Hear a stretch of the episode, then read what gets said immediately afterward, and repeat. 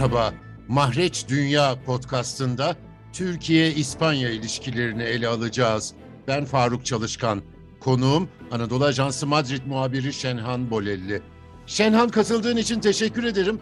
İspanya Başbakanı'nın Ankara ziyaretinde birçok konuda anlaşmalar imzalandığını gördük dün. Sanırım Türkiye'nin ilişkilerinin gayet iyi olduğu bir Avrupa ülkesi İspanya değil mi?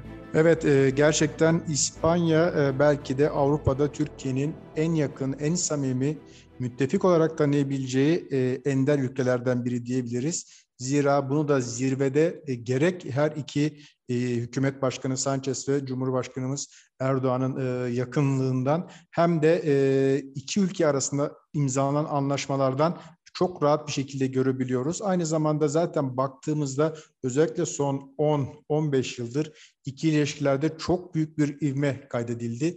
Bu da e, her geçen gün artarak, derinleşerek daha da e, ciddi bir müttefik e, iki ülke olarak devam ediyor.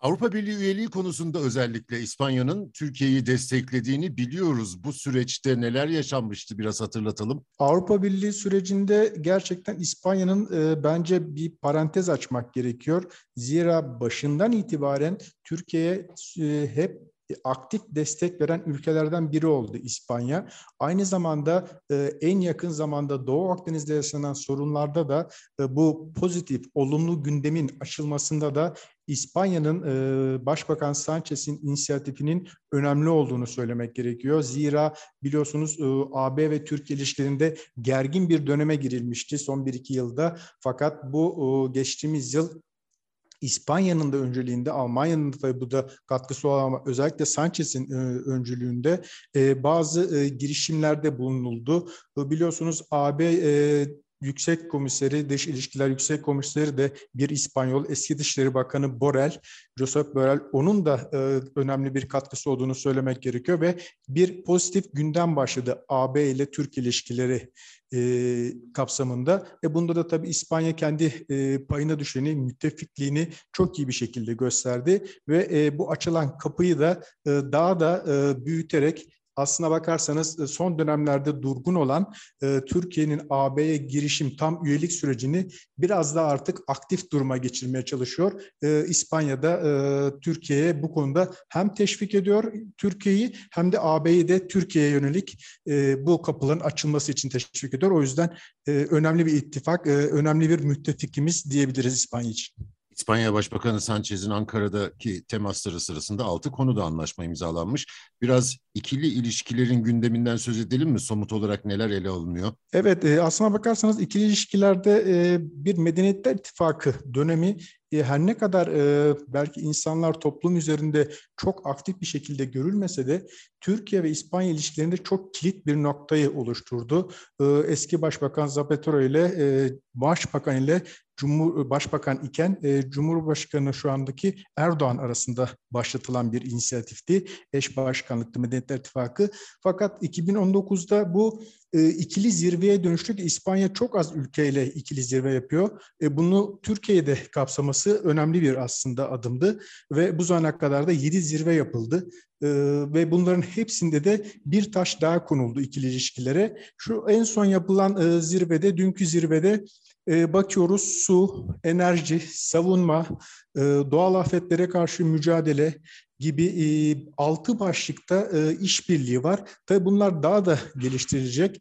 İspanya ile Türkiye arasındaki ekonomik ilişkilere baktığımızda ticaret hacminin e, o şu anda 13 milyar e, doları, euroyu bulduğunu görüyoruz.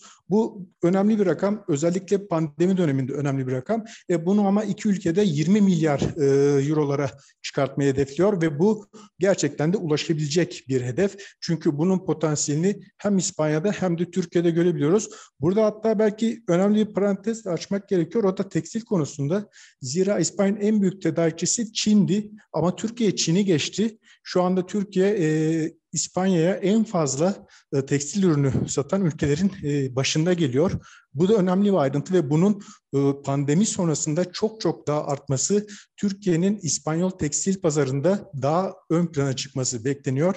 E, bunun dışında da demir çelik, alüminyum ve e, diğer bazı ürünlerde de e, Türkiye e, ve İspanya'nın e, ekonomik ilişkilerinin çok üst düzeyde olduğunu görüyoruz. Ama e, şu var, e, bu sadece ekonomik ilişkiler değil, e, çok e, belki de medyatik olacak ama e, sosyal kültürel ilişkilerde de aynı şekilde ön planda. İspanya'da son 5 yıldır inanılmaz bir şekilde Türk dizileri gösteriliyor. 20'den fazla Türk dizisi gösterildi ve İspanyollar gerçekten e, bunu sokakta bile yürüdüğünde yürüdüğünüzde görebiliyorsunuz. E, aralarında artık Türk dizilerini konuşuyorlar. E, bir Türk merakı, hayranlığı başladı ve bunun da tabii ki önümüzdeki günlerde özellikle pandemi sona erdikten sonra turizmine çok olumlu bir şekilde yansımasını bekliyoruz. Biraz da İspanya'dan söz edelim çünkü e, Covid-19 pandemisinde epey e, sarsılmıştı İspanya. Nasıl toparlanma süreci iyi gidiyor mu? İspanya şu anda e, Avrupa'daki en iyi ülkelerden biri konumunda. Her ne kadar Covid'in çok değişken olduğunu bilsek de e, şu ana baktığımızda her 100 bin kişide görülen vaka sayısı 100'ün altında gözüküyor. Yani tehlikeli bölgede değil. E, aşılamaya baktığımızda da halkın e, yüzde 80'den fazlasında çift e, yani iki doz aşı e, yapılmış durumda.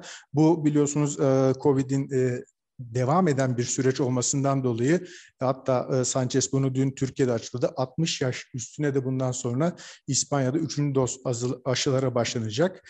E, o yüzden İspanya bu zamana kadar yani yaz döneminden sonra e, en iyi giden Avrupa ülkelerinden biri olarak gözüküyor. Normal bir hayatın olduğunu söyleyebiliriz ülke genelinde ama tabii ki kimse de temkini elden bırakmıyor. O yüzden bazı baskı e, bölgesi gibi bazı bölgelerde e, küçük küçük e, önlemlerin arttırıldığı, daha dikkat olunduğu en azından toplu yerlerde, restoran gibi toplu yerlerde bazı küçük detaylarla yani bu nedir? Mesela aşı zorunluluğu getirilmesi restorana girenlere veya toplu konsere gibi açık alanlara girenlere bazı önlemler getiriliyor. Ama e, dediğim gibi Avrupa ülkelerinin geneline baktığımızda İspanya COVID-19'la mücadelede iyi bir konumda yer alıyor. Madrid'deki Anadolu Ajansı muhabiri Şenhan Bolelli'ye çok teşekkür ediyorum. Bizi hangi mecrada dinliyorsanız orada abone olmayı lütfen unutmayın. Hoşçakalın.